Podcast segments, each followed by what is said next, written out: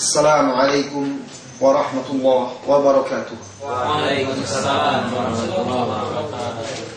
الحمد لله رب العالمين والعاقبة للمتقين ولا عدوان إلا على الظالمين. أشهد أن لا إله إلا الله وحده لا شريك له وأشهد أن محمدا عبده ورسوله. اللهم صل وسلم على على خاتم النبيين Muhammadin وعلى آله وأصحابه ومن تبعهم بإحسان إلى tabi'ahum bi أما بعد. Saudara-saudari kaum muslimin dan muslim. Kita di penghujung pertemuan kita hari ini. Pembicaraan kita melanjutkan tentang pentingnya ilmu dan amal. Pada penghujung pertemuan kita ini sebelum tanya jawab, ada satu hal yang sangat penting dipahami Dipegang teguh dan harus mendapat perhatian serius dari setiap penuntut ilmu. Yaitu muhasabah, memuhasabah diri dalam menuntut ilmu dan senantiasa memperbaikinya. Memuhasabah diri dalam menuntut ilmu dan senantiasa memperbaikinya. Wajib bagi setiap kita penuntut ilmu untuk selalu memuhasabah dirinya, melihat kembali niat dia. Untuk apa dia datang? Kenapa dia hadir di sini? Untuk apa dia membaca Al-Quran, mempelajari tafsirnya, mempelajari hadis-hadis Rasulullah Wasallam, mendalami ilmu fikih, akidah dan lain sebagainya. Untuk apa? Niatnya. Semoga Allah merahmati pendahulu-pendahulu kita para salafus. Dulu Al Hasan Al Basri sering kali dia berbicara kepada dirinya sendiri, tujuannya untuk memuhasabah. Al Hasan Al Basri sering berkata kepada dirinya, marah, ditegurnya dirinya, tatakallamina bi kalami salihin salihin al-qanitin al-abidin taf'alina fi'l al-fasiqin al-munafiqin al-mura'in wallahi Inna wallahi ma hadhihi sifatul mukhlisin. Ma hadhihi sifatul mukhlisin. Ini Hasan al-Basri. Apa kata dia? Kepada dirinya. Duhai jiwa. Engkau berbicara dengan perkataan orang-orang soleh. Yang taat, tunduk, patuh, banyak beribadah. Di lain waktu engkau melakukan perbuatan orang-orang fasik, munafik, yang riak demi Allah ini bukan sifat orang-orang yang ikhlas. Begitu salafus soleh itu berbeda dengan kebanyakan kita. Kita jarang muhasabah diri kita. Sehingga kita selalu melihat diri kita ini adalah orang yang paling baik. Orang yang paling ikhlas. Orang yang paling banyak jasa kepada Islam. Padahal Islam yang berjasa kepada kita. Ulama-ulama dahulu seperti Al Hasan Al Basri dicontohkan. Dia rendahkan diri dia Begitu, dia luruskan lagi niatnya. Apa ini Hasan Basri? Seolah-olah seperti itu. Engkau berbicara menasihati orang dengan perkataan orang-orang yang soleh, orang yang taat, tunduk patuh, tapi perbuatan orang fasik, orang munafik yang ria, engkau lakukan juga. Ini bukan sifat orang yang ikhlas. Itu karena tinggi dan dalamnya ilmu beliau lah. Beliau bisa berkata begitu kepada kepada diri dia. Karena orang itu semakin tinggi ilmunya, semakin terasa betapa fakirnya dia kepada Allah Subhanahu wa taala. Sufyan Ats-Tsauri pernah mengatakan kullu syai'in adhartuhu min amali fala a'udduhu syai'an li'ajzin li'ajzi amthalina anil ikhlas idza ra'ahu. Setiap sesuatu yang aku tampakkan dari amalanku kepada manusia, aku tidak menganggapnya sebagai sesuatu. Artinya, amalan yang dia tampakkan kepada orang itu dianggapnya itu amalan yang tidak bernilai bagi dia. Kita sepatutnya penuntut ilmu, dia itu punya hobi ah. Apa akhir? Hobi ah itu amalan rahasia. Bukan senjata rahasia. Amalan yang dirahasiakannya Sufyan al-Thawri itu kalau dia sedang membaca Al-Quran, datang tamu atau ada orang lewat, ditutupnya Al-Quran, disembunyikannya. Ini ada orang tahu bahwa dia rajin baca Quran. Berusaha dia seperti itu. Bukan sengaja datang orang lewat, semakin keras dia baca Al-Quran. Bagus-bagus pula. Kita. Ditutupnya. Dia tidak perlu tahu dia orang dia itu orang taat. Cukup Allah bagi dia yang tahu. Dia tidak ada mengharapkan pujian dan sanjungan manusia. Dia hanya mengharapkan ridho dan ampunan Allah Subhanahu wa taala. Itu dahulu akhlak salafus saleh. Kita satu hadis kita yang hafal semua orang di internet itu tahu semuanya. Seolah-olah kita tahu ilmu semuanya. Baru kita dapat satu kata dari buku terjemahan itu kita copy paste, kita terbitkan dalam buletin. Bangga kembang hidup. Luruskan itu. Penyakit, penyakit kita.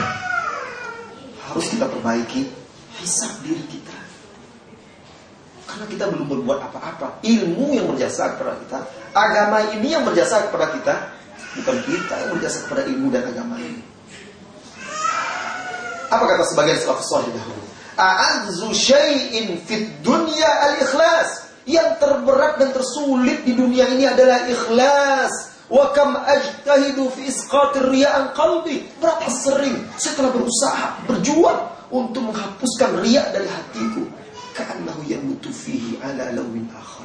Setiap kali aku hapuskan, aku hilangkan, seolah-olah dia tumbuh lagi dengan warna yang lain. Pandai syaitan itu.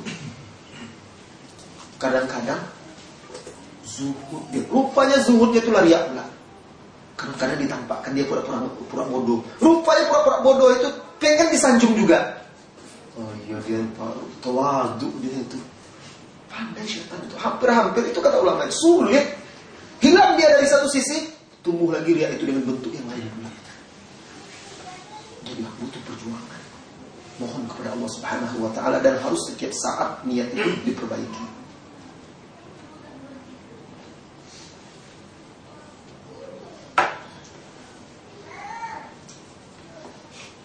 Di antara doa-doa salafus soleh dulu Mereka membaca Allahumma Inni astaghfiruka mimma tubtu ilaika minhu thumma uttu fihi Ya Allah Aku memohon ampunan kepadamu dari perkara-perkara aku yang yang aku telah bertobat kepadamu darinya, kemudian aku kembali lagi melakukannya.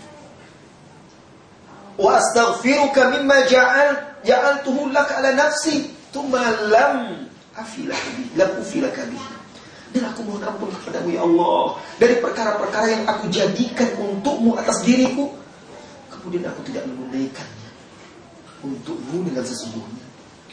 Wa astaghfiruka mimma za'amtu anni aradtu bihi wajah. Aku berlindung memohon ampun kepadamu dari perkara-perkara yang aku akui. Aku lakukan itu hanya untuk mengharapkan wajahmu Fakhalata qalbi minhuma qad alimta. Ternyata hatiku ternoda oleh niat-niat lain yang engkau lebih mengetahui itu. Maka Rasulullah Shallallahu Alaihi Wasallam mengajarkan kita berdoa dari dua kesyirikan. Siapa yang hafal doanya? Ayo, siapa yang hafal? Saya kasih hadiah. Hadiahnya saya kasih hadiah mushaf ini. Ini mushaf. Mushaf saya. Alhamdulillah. Besok saya cari lagi. Nah, siapa yang bisa hafal doanya? Saya kasih mushaf. Itu penting, itu tauhid. Rasulullah SAW mengajarkan kita berdoa untuk berlindung kepada Allah dari dua kesyirikan. Hmm. Tadi yang hafal tadi ya? Yang hafal tadi Rudi mana Rudi? Oh. Nah, tadi hafal tadi. Gimana kita mau berlindung kepada Allah? Kalau kita tidak hafal. Bahasa Indonesia aja lah. Tapi kalau bahasa Indonesia tidak dapat ini. Doanya yang mana? Itu kita doa untuk jual sebesar-besar situ. Hmm? Jawaban hamba di sirik yang tidak diketahui. Itu dari sirik yang tidak diketahui satu. Aduh, satu lagi itu dua. Lupa.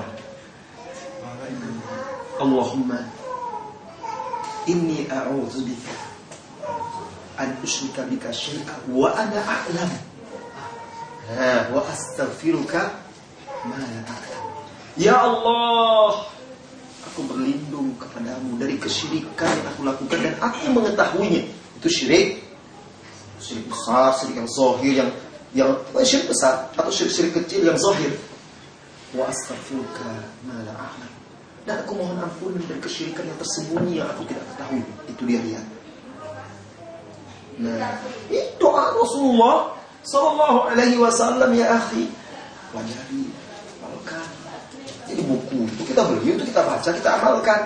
Kalau nggak hafal boleh dibaca ini kok berdoa itu. Itu harus berusaha kita untuk mengamalkan.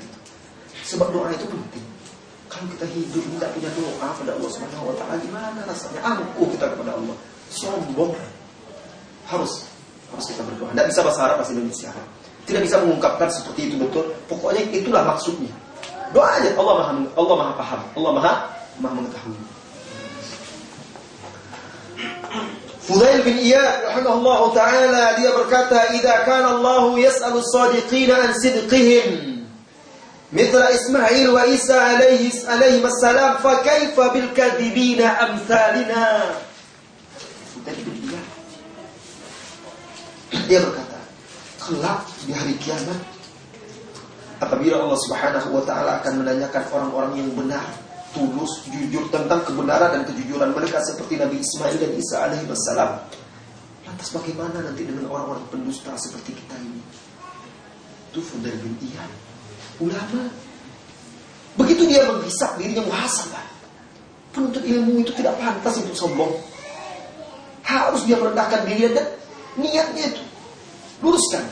Bahkan dianggap diri ini banyak berdusta. Kenapa? Karena terkadang manusia itu lain di mulut, lain di, di hati. Takut dia, maka dia katakan seperti itu. Banyak lagi perkataan-perkataan ulama salaf. Apa kata Abu Ubaidah Ma'mar Ibnu Musanna? Ini pedas kata-kata ini. Man arada an yakulal khubza bil ilmi faltabki alaihi bawaki. Barang siapa yang hendak makan roti dengan ilmu agama itu, maka tangisilah orang ini. Itu berhak diratapi dan ditangisi. Maksudnya ikhlas. Ilmu agama itu menuntutnya adalah ibadah. Menyebarkannya adalah ibadah. Mengamalkannya adalah ibadah. Jangan harapkan itu menjadi nafkah, mencari nafkah di situ profesi. Kadang-kadang itu. Pernah saya saudara-saudari uh, itulah sayangnya ustaz-ustaz ceramah itu. Apa itu ceramah? Cerita mahal.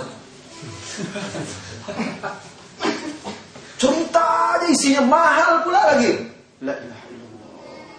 Jadi pernah waktu itu saya sedang berada di satu tempat di kepulauan, kampung dalam tugas dakwah. Jadi orang itu pas eh, dari situ dia mau mengundang salah seorang ustaz kondang dari Kemang. Ustaz kondang nan lawak bin lucu. Karena setiap ngaji ketawa aja itu dari awal sampai akhir. Saya ada ketika itu mendengar pengurus itu mengundang karena masyarakat awam. Ustaz, Buya, ini kami dari daerah ini rencana mau mengundang Buya bulan depan Bagaimana kira-kira Buya? Apa ditanya ketika itu? Termenung pengurus pengurus masjid. Ah, berapa ongkosnya? Tanya ongkosnya. Lalu orang-orang kampung itu pun berkata, Buya, kami sekian cuma sanggupnya Buya. Maklumlah kami di kampung ini dengan sedikit nada seperti mencemeh. Hah? Segitu? Kemarin bupati mengundang saya sekian. Langsung berubah muka bapak itu. Sedih dia. Apa kata dia? Ayolah bu ya kalau begitu kami cari yang lain aja. Bagi tawarnya pula, rapatlah dulu dengan pengurus, bicarakanlah dulu. Tapi dia sudah patah hati. Sedih dia. Inilah Ustaz. Kami di kampung payah cari guru. Nah, seperti itu. Itu kondisinya. Kondisi yang banyak mengaku jadi ustadz, jadi dai, jadi guru itu banyak seperti itu. Pernah saya pulang taklim kan, malam-malam masih zaman dulu itu, maksudnya zaman dulu ini, zaman-zaman saya masih udah baru-baru pulang dari Madinah malam-malam pakai sepeda motor itu kan. Allah karena gelap dekat jembatan Leton itu tabrakan serempetan dengan sepeda motor juga. Ternyata bapak-bapak sudah tua pakai sarung berkopiah pulang pengajian juga. Tabrakan kasihan kan, saya bantu, saya bawa berobat juga. Duduk-duduk cerita lah kenalan. Hmm, kenalan rupanya dia Ustad. Tanyanya. Hah? Uh, ya, sudah berapa? Dapat maulid nih. Dapat maulid, maksudnya? Ya ada berapa undangan maulid? Enggak ada saya undang-undang pak. Saya baru dua, baru ini mudah-mudahan ya ada lagi nih. Cukup lah untuk bulan ini. Astagfirullah. Itu, itu betul. Seperti itu. Sampai kalau bulan puasa itu, saudara-saudariku, tiba-tiba muncullah dai-dai karbitan itu. Iya, setiap malam juga kami musik ke masjid itu kan banyak itu. Cuma 7 menit, 7 menit itu aja. Nah, 15 menit beliau selama ke sana kemari. Sampai itu cerita mereka sendiri yang sudah mengaji akhirnya setelah mereka tidak seperti itu lagi, apa kata mereka? Sampai-sampai di bulan puasa itu istilah sesama mereka berkata, "Hah, malam kau di mana nambang?" Itu bahasa kami. Artinya malam ini di mana narik? Maksudnya kalau narik oplet kan gitu cari penumpang. Ah, seperti itu istilahnya. Lah memang itu tujuannya lagi nah, Ya kayak super oplet kan. Ah, mana nambang? Masih cari penumpang. Tentu kan cari duit. Ini bukan profesi. Bukan untuk mencari nafkah. Ini mencari sorga. Karena Rasulullah SAW mengatakan satu orang mendapat hidayah dan petunjuk itu lebih baik daripada dunia seisinya. Itu dia kata Abu Ubaidah, Ma'mar Ibnu Musannad. Maka saya sering katakan, itu ceramah, cerita mahal. Cerita saja isi tidak jelas ke sana kemarin mahal pula lagi. Pernah saya sampaikan waktu itu dalam uh, daurah khusus untuk para dai yang seperti itu diadakan di baru marah satu orang enak saja bilang cerita mahal begini begini kita jelaskan ketika itu kan begini seharusnya begini seharusnya berkata Imam Az-Zahabi mengomentari di dalam kitabnya Sir Alam Nubala yang bagi lil alimi an yatakallama bi niyatin wa husni qasdin Seyogianya seorang alim itu berbicara dengan niat dan tujuan yang baik. Fa in a'jabahu kalamahu falyasmut. Kalau seandainya berbicara membuat dia bangga dan ujub, hendaklah dia diam. Kalau dia berbicara membuat dia bangga di hadapan orang, ujub dia, dia itu pilih diam. Wa in a'jabahu samt falyantiq. Kalau seandainya diam saja membuat dia bangga pula di depan orang, hebat dia, pendiam, berwibawa. Falyantik berbicaralah ketika itu. Maksudnya apa? Untuk menghalau perasaan bangga ujub tadi. Kadang-kadang kan orang dengan berbicara bangga. Kadang-kadang dengan diam itu sendiri menjadi pintu bagi syaitan. Orang memperhatikan dia. Luar biasa karismanya Ustaz ini. Ya Allah. Kalau ada perasaan seperti itu, kata Imam Azhabi, bicara. Untuk menghalau itu. Kalau berbicara yang membuat kita itu bangga, ujub, diam. Tujuannya apa? Nasihat untuk apa? Meluruskan niat. Bukan berarti mutlak harus diam. Kalau memang ada perasaan seperti itu cepat istighfar. Karena terkadang memang kita sedang dalam kewajiban menyampaikan ilmu bisa saja syaitan itu datang. Bukan berarti langsung diam, tutup dong majelis. Tetapi maksud beliau itu rahimahullah cepat perbaiki niat itu. Luruskan lagi istighfar lagi tujukan niat itu mengharapkan ampunan dan ridho Allah Subhanahu wa taala. Apa kata beliau lagi? Wala yaf wala yafturu an muhasabati muhasabati nafsi. Jangan pernah kendur Jangan pernah futur untuk menghisap dirinya. Fa innaha tuhibbu zuhura wa karena nafsu itu suka tenar dan sanjungan. Itu. Itu sifat manusia siapa saja suka dipuji, suka disanjung. Saudara-saudari kaum muslimin dan muslimat yang semoga senantiasa dirahmati oleh Allah Subhanahu wa taala. Ini masalah besar yang wajib kita perhatikan. Barangkali seseorang itu dia dapat ilmu itu, tetapi dia hanya sekedar dapat ilmu hafalan teori saja, tidak berkah karena dia tidak lulus. Seperti hadis Rasulullah Wasallam yang diriwayatkan oleh Imam Ahmad, An-Nasai Al-Hakim dan disahihkan oleh Syekh Al-Albani rahimahullah taala. Rasulullah Shallallahu Alaihi Wasallam bersabda, "Man ghaza yanwi iqala falahu manawa." Barang siapa yang berperang mengharapkan iqal, maksudnya bagian dari rampasan perang itu, maka dia akan mendapatkan apa yang dia niatkan saja. Tapi pahala tidak dapat. Malah bisa-bisa mendapat hukuman di akhirat karena ria atau karena tujuannya adalah du, dunia. Dia dapat dunianya, dapat, tetapi dia tidak dapat apa-apa di sisi Allah Subhanahu wa taala. Saudara-saudari, kaum muslimin dan muslimat yang dirahmati oleh Allah Subhanahu wa taala. Karena kurangnya ikhlas, tidak meluruskan niatlah, maka sebagian orang berani berdusta atas nama Allah dan Rasulnya Shallallahu Alaihi Wasallam. Karena kurangnya ikhlas, tidak lurusnya niat, tidak takut dia berbicara tanpa ilmu. Kalau orang betul-betul takut ya, tidak segan dia berkata seperti uh, Imam Syafi'i datang orang bertanya kepada dia, dia jawab lah adri. Apa kata orang itu? Engkau Imam Syafi'i, saya datang ini untuk bertanya. Kok engkau jawab lah adri tidak tahu? Marah Imam Syafi'i. Jadi kalau saya Syafi'i, kenapa saya harus tahu? Marah beliau. Karena orang itu maksa. Ditanya Imam Syafi'i suatu masalah, dia katakan, tidak adri. Tidak adri, marah orang itu. Saya datang ke sini untuk bertanya kepadamu, engkau itu Syafi'i. Malah engkau katakan tidak tahu. Tapi Imam Syafi'i kan bukan Nabi. Tentu ada perkara-perkara yang luput dari pengetahuannya. Wajar. Kalau ulama besar saja seperti itu, apalagi kita belum punya ilmu lebih wajib lagi kita banyak mengucapkan la adri saya tidak tahu tanya kepada yang lebih tahu nanti lah dahulu saya pelajari dahulu sekarang saya tidak bisa beri jawaban ini untuk keselamatan kita di akhirat bahkan la adri itu adalah nisful ilmi separuh dari dari ilmu walaupun anda saudara itu cuma duduk di majelis ini saja tidak seperti ustaz-ustaz yang lain tapi anda paham la adri itu anda sudah dapat separuh dari ilmu. Baiklah, kaum muslim muslimat tidak banyak karena sampai jam 4 ya setengah jam itu kita puaskan bertanya jawab.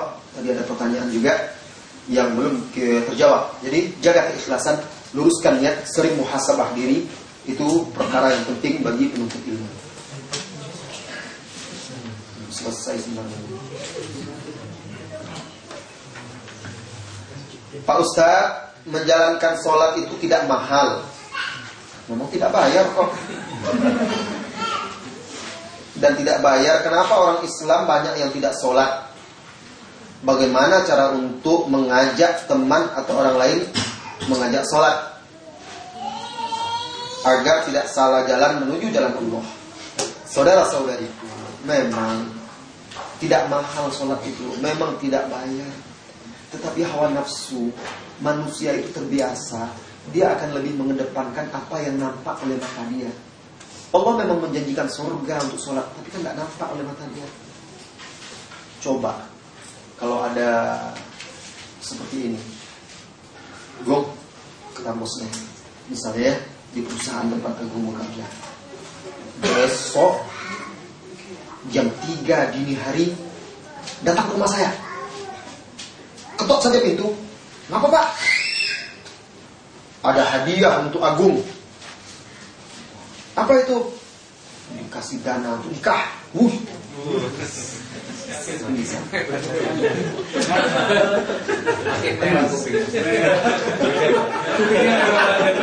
Kan misal, misal ya. Kan contoh. Misalkan. Jadi Nah seandainya saya seperti itu, apa yang kita lakukan?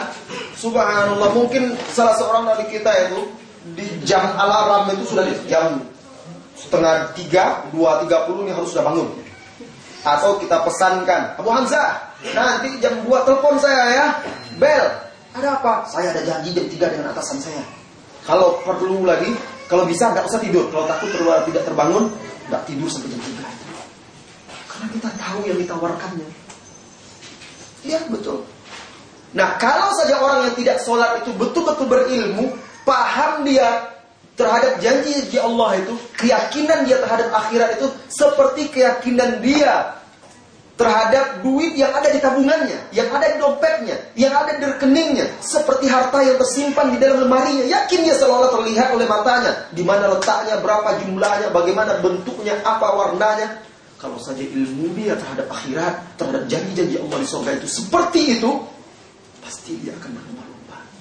Sahabat itu kan melihat akhirat itu seperti di depan matanya, karena mereka punya ilmu. Kapan kita betul-betul membaca, mengkaji, membahas tentang surga? Bagaimana kenikmatan-kenikmatan Kapan kita betul-betul mengkaji, mempelajari, membaca di majelis tentang asal neraka dengan dahsyat kedahsyatan. Bagaimana mungkin bisa seperti kita lihat? Dahulu sahabat itu di antara mereka seperti Abdullah bin Mas'ud itu sedang berjalan, nampak orang pandai besi sedang memanaskan besi untuk pedang itu membara, pingsan dia langsung. Terbayang api neraka. Begitu.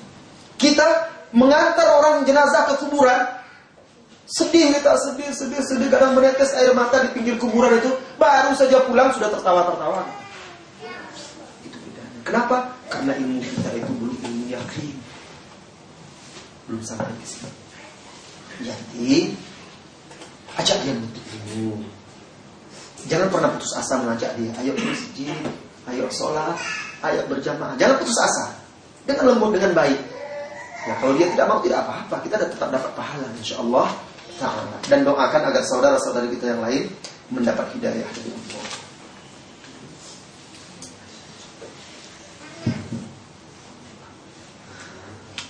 Saya mau bertanya bagaimana hukumnya untuk satu mewarnai rambut.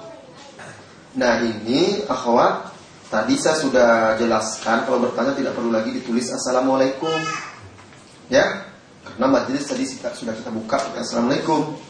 Assalamualaikum tuh kalau baru datang pertama buka majelis berpisah.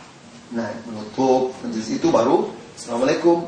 Tapi kalau bertanya begini tidak perlu.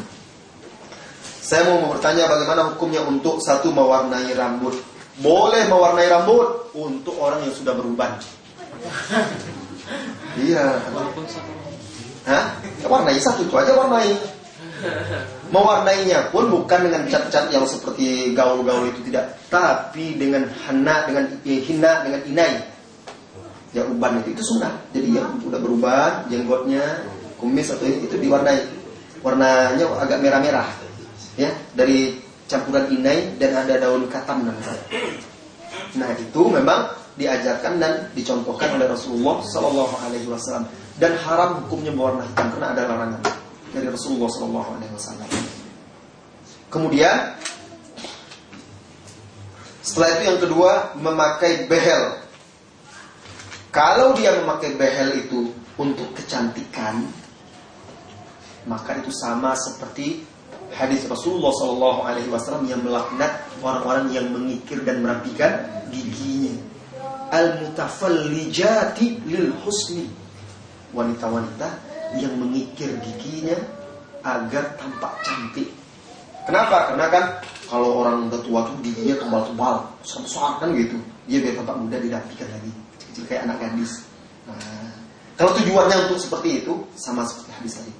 Tapi kalau tujuannya karena memang ada cacat, giginya itu nongol, misalnya.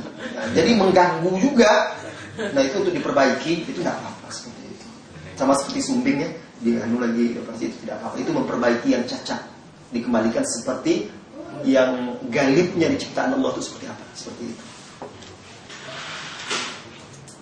yang ketiga mencabut alis oh itu jelas di dalam hadis Rasulullah Shallallahu Alaihi Wasallam saudariku hadis Abdullah bin Mas'ud la'anallahu kata Rasulullah Wasallam Allah melaknat di antara itu ada orang bertato dan sebagainya disebut situ an-namisat Wal mutadamisat, wanita yang mencabut, mencukur alisnya dan meminta dicukur atau dicabut alisnya. Ngapa dicukur alis itu? Ngapa dicabut? Besar hikmahnya ada alis itu. Iya, kalau hujan apa tidak langsung ke mata itu ada di sini. Debu-debu apa semut sudah ada di sini yang menghalanginya. Ini dicabut diganti pula dengan spidol. Begitu banyak orang itu. Sudah jelas bagus ciptaan Allah itu, diganti dengan spidol. Bagaimana kalau Allah takdirkan tidak tumbuh-tumbuh lagi alis itu? Kan enggak apa? Syukur di alis itu, bagus ciptaan Allah itu. Kenapa? Karena Allah menciptakan alis manusia itu sesuai dengan bentuk face dia. Ada orang yang bentuk wajah dia cocok tebal. Ada orang yang cocok tipis. Nah. Coba lihat hikmah Allah itu. Ngapain lagi kita cukur-cukur? Allah sudah jadikan sesuai alis karena dia di sini tidak pernah jadi panjang seperti jenggot. itu kan hikmah Allah itu luar biasa. Ngapain dipotong-potong juga? Nah, tidak pernah dia bertambah panjang seperti bulu ketiak. Ah, bulu ketiak itu karena dia bertambah panjang, jorok, makanya sunnah dicabut. Ah, ini malah bulu ketiak yang sunnah tidak dicabut-cabut. Kasihan suaminya. Malah yang ini di, di, dihilangkan. Ini merusak, merubah ciptaan Allah, maka dilanggar oleh Allah Subhanahu wa taala. Ya? Nah, kalau masih muda uh, menyemir rambut dengan hitam itu juga nggak boleh Ustaz. Enggak boleh warna hitam pokoknya nggak boleh. Walaupun masih muda ya. Ustaz. Iya, karena itu menipu. Kalau masih muda kan sebenarnya tidak menipu Ustaz. Hah? Itu juga masih muda, misalnya Iya. usia 30 udah berubah gitu. Sudah berubah di usia 30. Iya. Ya sebenarnya itu dia udah tua juga itu. Akhirnya orang mengira dia masih muda gitu kan. Sesuai kalau Ustaz. Iya memang karena hadis itu memang itu hanya salah satu alasan yang dijelaskan oleh para ulama saja hikmahnya kenapa biar tidak seperti menipu. Tetapi walaupun seandainya bukan itu alasannya, larangannya sudah jelas. Hitam itu tidak boleh kan karena Rasulullah SAW dalam hadis Bukhari itu menganjurkan untuk khidab ya dan wajtanibu as-sawad. Berkhidablah dan jauhilah warna hitam. Nah, jadi jelas. Dan Rasulullah tidak jelaskan alasannya, cuma para ulama berusaha menggali hikmah dan alasannya karena kalau warna hitam kan seolah menipu. Nah, kan begitu. Ya. Kalau pas yang waktu mau perang itu kalau saya nggak nggak salah ingat ada yang menyemir rambutnya dengan hitam ya Ustaz. Iya, mansuh hadisnya. Jadi setelah hukumnya mutlak tidak boleh yang berwarna berwarna hitam.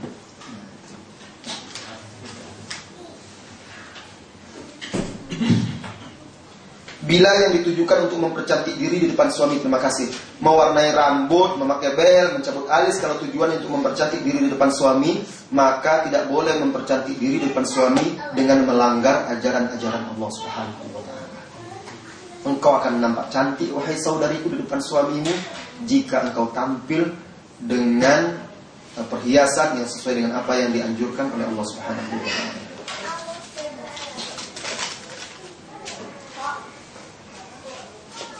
Jika seseorang pernah bermimpi dan di dalam mimpi itu ada yang menunjukkan doa sebagai amalan dan setelah bangun tidur orang tersebut masih ingat bacaan doanya.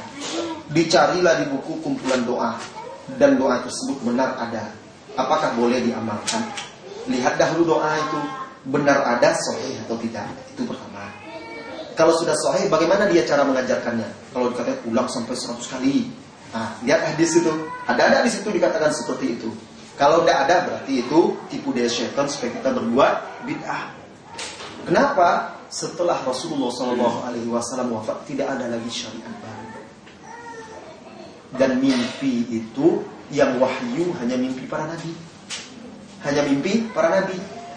Tapi kalau mimpi kita itu bukan wahyu dan bukan landasan hukum.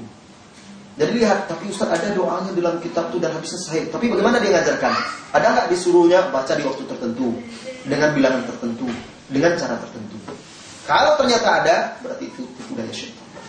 Saya teringat kisah siapa namanya itu uh, Abdul Qadir Syekh Al Imam Abdul Qadir Al Jailani. Jadi ketika dia suatu ketika dalam perjalanan kehabisan bekal, lapar, haus, habis bekal. Tidak ada lagi orang yang akan membantu dia. Sudah letih, lelah, gontai langkahnya. Akhirnya dia bersandar berbaring di bawah sebuah pohon. Dan sudah dia merasa sudah ini habis masa dia. Mati dia tidak ada lagi. Di tengah itu uh, terbayang tiba-tiba muncul awan. Awan itu mendahulunya lalu memanggil-manggil namanya lalu memanggil-manggil namanya ditanya oleh Abdul Qadir Jilani man anta Apa kata dia? Aku ana rabbu, aku adalah Tuhan. Mulai hari ini aku hapuskan kewajiban syariat darimu. Nah, apa kata Syekh Abdul Qadir Al-Jailani? Pergilah engkau, sesungguhnya engkau adalah iblis yang terkutuk. Lalu dia berlindung kepada Allah dan hilang. Ditanya oleh muridnya dari mana engkau tahu ya Syekh bahwa itu adalah iblis? Apa kata dia? Karena agama ini telah sempurna, tidak akan mungkin lagi ada dihapuskan dari orang. Tidak akan mungkin Allah merubahnya lagi karena itu sudah diutus dulu Rasulullah SAW. Tidak ada lagi nabi dengan ilmu. Begitu juga kalau ada mimpi-mimpi datang amalan-amalan baru, nah, siapa pula ini ngasih-ngasih amalan baru ini? Amalan sudah jelas dari Allah dan Rasulnya Sallallahu Alaihi Wasallam.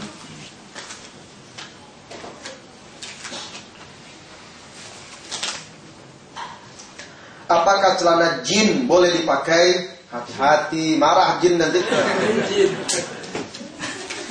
celana jin dipakai. Ya sih. Apakah celana harus longgar?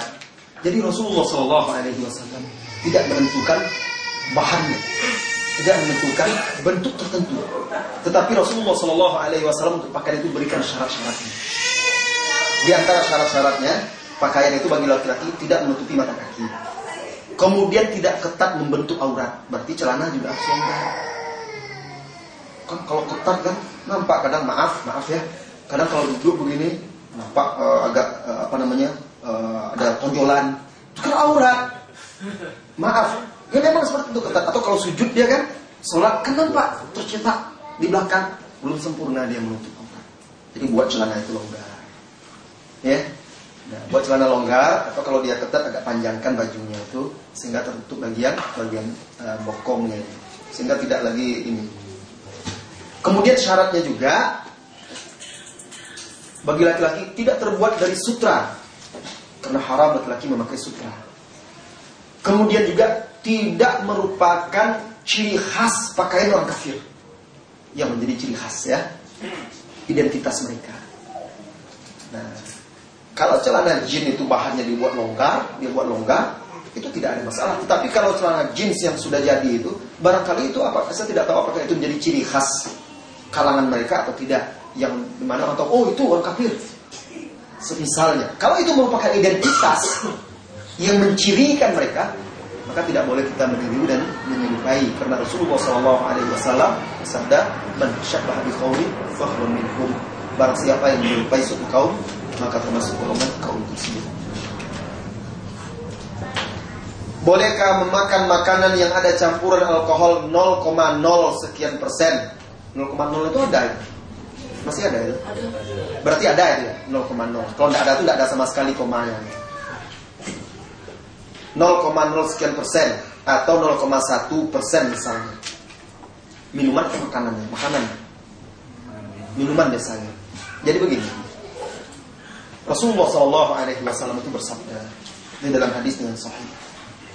Kullu muskirin khamrun wa kullu khamrin haram. Setiap yang memabukkan itu adalah haram dan setiap khamar itu adalah haram. Di dalam hadis lain Rasulullah Shallallahu Alaihi Wasallam bersabda, "Kullu ma as kullu ma askar kathiruhu faqaliluhu haram." Setiap yang banyaknya memabukkan, sedikitnya juga haram.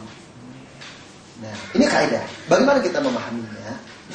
Karena sebenarnya sejatinya kandungan alkohol itu bisa jadi ada kadang dalam jus, dalam ini dan segala macam. Itu ada.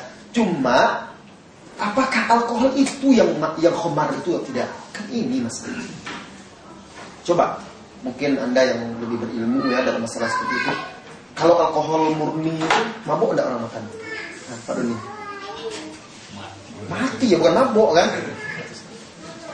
Berarti kan bukan alkoholnya sebenarnya, tapi alkohol itu sudah diolah menjadi homer yang bisa memabukkan dengan senyawa-senyawa yang lain yang terkandung di situ.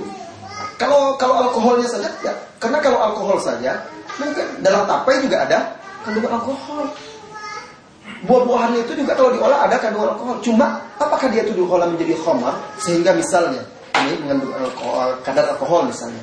Kalau saya minum satu kaleng ini mabok enggak? Kalau mabok sedikit saja haram. Sedikit saja haram. Dan ini yang standarnya bukan orang yang terbiasa minum ya. Orang terbiasa minum segini mungkin dia agak mabok. Masih orang yang biasa yang tidak minum, diminumnya misal satu gelas ini mabok, maka segini aja haram. Jadi itu menjadi menjadi standar. Apakah dia itu memabukkan atau tidak? Dan apakah dia memang diolah menjadi minuman yang bisa Khomar itu artinya kan yukhomirul akal Yang menutup akal. Menutup akal membuat orang tuh hilang kesadarannya dengan perasaan nikmat. Itu mabuk itu. Ada juga orang pingsan. Pingsan itu bukan mabuk, hilang akalnya Karena tidak ada nikmatnya. Nah kalau yang mabuk itu hilang kesadaran dia, akal sehat dia Tapi dia merasa nikmat Ya, itu dia, itu dia mabuk. Nah, silakan dilihat minuman yang atau makanan yang anda maksud. Apa misalnya ada kadar alkoholnya. Berapa persen untuk apa itu tahu? Pernah diteliti? Nah, dodol durian misalnya kan. Nah, juga itu apalagi yang dari Bengkalis itu sudah busuk kali baunya itu udah lama apa namanya itu ya? Fermentasi. Iya. Lempung, lempung itu. Itu kan sudah anu, itu sudah bau sekali itu. Dia sudah mengalami proses-proses mungkin sudah apa, apa fermentasi dan itu ada kandungannya. Tapi bukan dia itu khamar, memabukkan karena dia makan pun satu mangkuk orang tidak mabuk. Tanpa itu makan banyak-banyak tidak mau, cuma sakit perutnya demam dia sudah tua atau gimana segala macam. Ya, sakit dia. Jadi itu tidak termasuk yang memabukkan. Kalau itu Ustaz, yang kayak restoran-restoran Cina itu kan ada dia pakai anju segala macam sama misalnya kecap asin di Jepang kan ada yang pakai Ancu itu apa? pakai Alkohol masak. Alkohol sari cuka. tape, Iya. sari tape itu loh. Oh, sari tape. Sama misalnya kayak di Jepang kan ada miso siru, tahu Mirip. itu ya, sama Kocok. apa kecap asin itu juga ada yang ada kandungan alkohol, ada yang enggak itu gimana tuh? Ustaz? Ah, jadi begini, saya kembali tadi yang apa nama tadi an, apa? Ancu apa? Ya, itu. Iya, dia apa itu? Dia dia itu yang mengandung alkohol itu itu. Itu ada ada sedikit apa mengandung alkohol sekian persen. Iya. Kan masakan-masakan Cina di Indonesia sama. Di, diminum itu memabukkan tidak? Nah, mabok. Kalau memang mabok itu haram, walaupun sedikit. Kalau memang bisa memabukkan. Ya, karena kan ada kadar-kadar yang mengandung alkohol sekian itu bisa memabok, memabukkan. Kalau memang sampai kadar dia itu memabukkan, maka itu haram. Walaupun hanya sedikit diteteskan, itu tetap haram. Jadi lihat, saya tidak tahu berapa kadarnya yang bisa memabukkan, itu saya tidak tahu. Apa itu? Ya, kalau Jepang itu kan mirin atau sake yang dibuat masak. Kalau sakit kan udah jelas kan, Ya, itu buat masak dia kadar alkoholnya lebih lebih rendah. lebih rendah tapi tetap memabukkan kalau dia diminum kan. Yes. Kalau yang kecap asin tadi sama tauco itu gimana? Coba minum dalam jumlah besar mabuk nggak? Kadang-kadang ada yang bilang ini jangan ini ada alkoholnya pokoknya kan mereka pukul rata pokoknya ada alkohol ini Enggak, katanya gitu. Kalau dia diminum itu bisa memang bisa memabukkan, tidak boleh. Karena sebenarnya kan maka saya katakan tadi, yang membuat dia haram itu alkoholnya atau karena dia bisa memabukkan. Karena kalau kadar alkohol itu banyak di, di sebagai makanan memang ada dia. Obat-obatan juga begitu. Ya kan karena untuk penenang ya. Tapi kan dia tidak memabukkan. Kalau pakai baju yang ada babinya tuh bahannya tuh haram ya. Kalau baju yang Yang yang bikin dari babi itu. kulit dari kulit babi, kulit ada dari kulit babi. Iya. Ya haram babi itu haram semuanya. Dari Al-Qur'an kan sudah diharamkan. Dan juga sesuatu yang haram itu diharamkan oleh Allah Rasulullah SAW bersabda, Inna Allah harrama syai'ah thamana.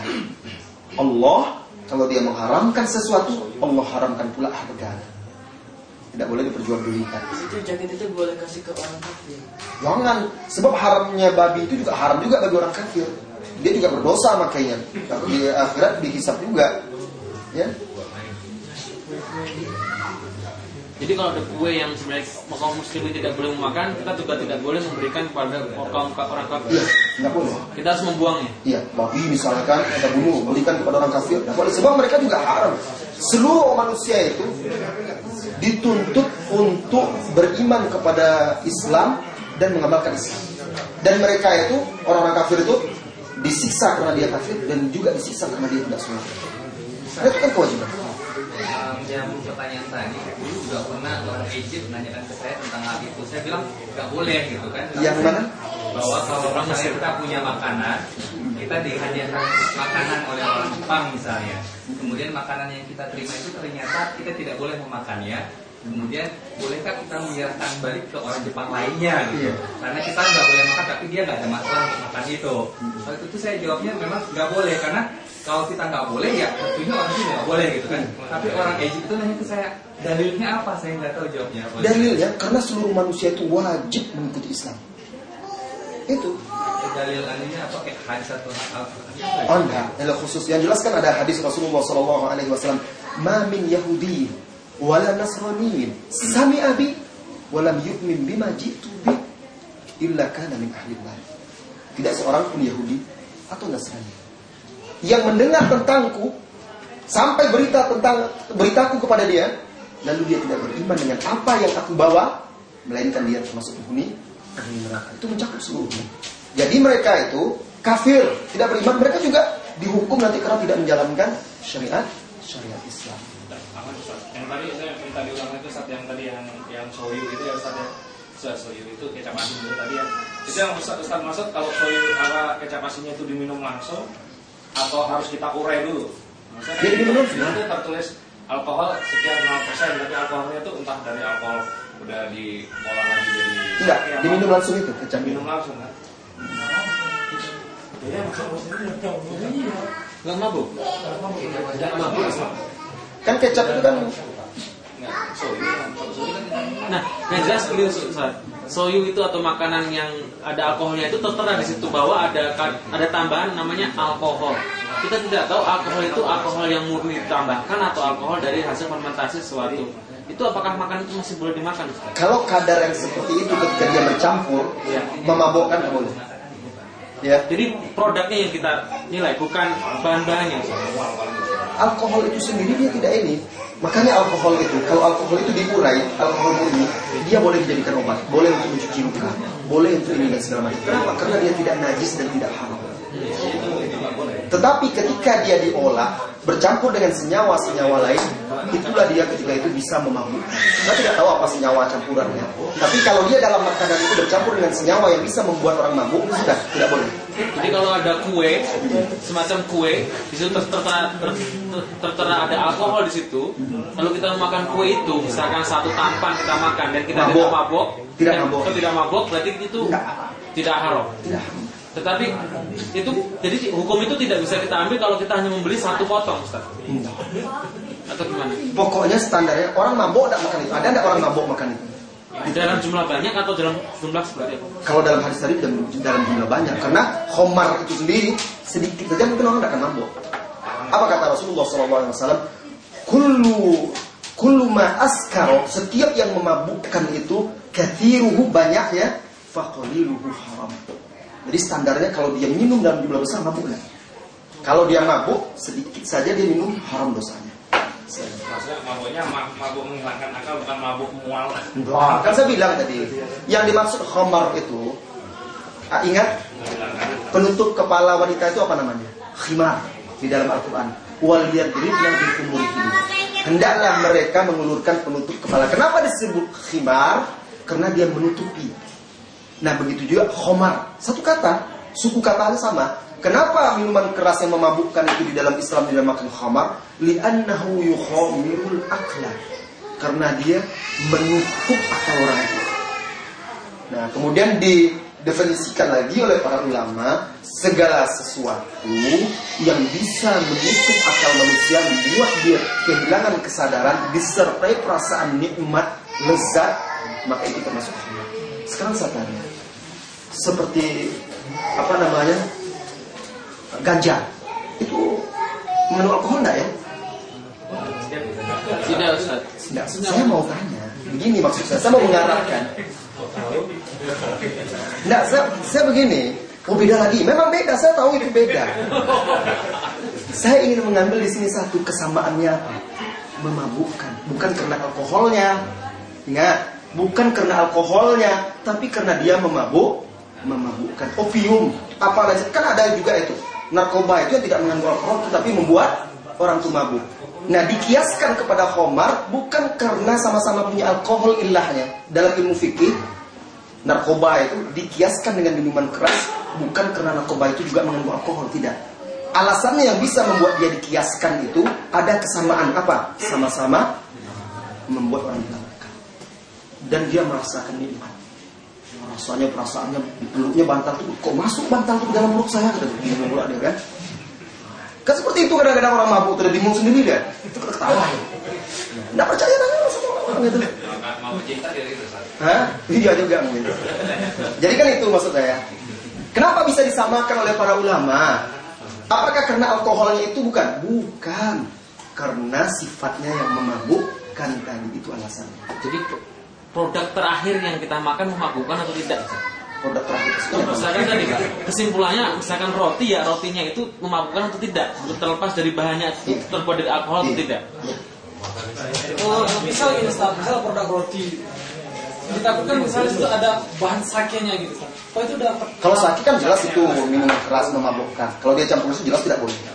masalah Walaupun makan orang itu tidak ma apa namanya dimakannya roti sebanyak itu kenyang dia tidak mabuk, tetapi kan dia mengandung bahan minuman keras yang kalau diminum bisa bisa mabuk orangnya. masalah produk di Jepang ini Ustaz, misal baik ke roti ataupun apa pun walaupun tertulis alkohol, terkadang bahan alkoholnya itu diambil dari minuman keras Ustaz. Ya sudah kalau seperti itu tidak boleh. Makanya, maka mungkin informasi buat kawan-kawan yang lain Iya. kan, walaupun tertulis alkohol, Itu maksudnya iya maksudnya diambil mungkin dari dari dari minuman keras. seperti dari sake itu dicampurkan itu jelas tidak boleh karena memang minuman keras itu yang dijadikan bagian dari bahannya. Ya. Tapi pengaruh alkoholnya itu kan kalau macam sudah dimasak, macam ya katakanlah sini nabe ada eh, masakan Jepang, itu nabe dimasak di ini, itu rata-rata pakai sake. Nah ini tujuannya untuk eh, Menghilangkan pengaruhnya. eh, Dimasak. sake masakan ini hanya untuk menambah penyedap rasanya saja. Dan nantinya ini sake ini kalau dia sudah mendidih mencapai mungkin suhu 100 derajat mendidih itu kadang pengaruh alkoholnya hilang. Tapi rasa atau aromanya itu ada dan itulah yang menambah enaknya masakan ini. Sama seperti orang Yahudi. Kenapa?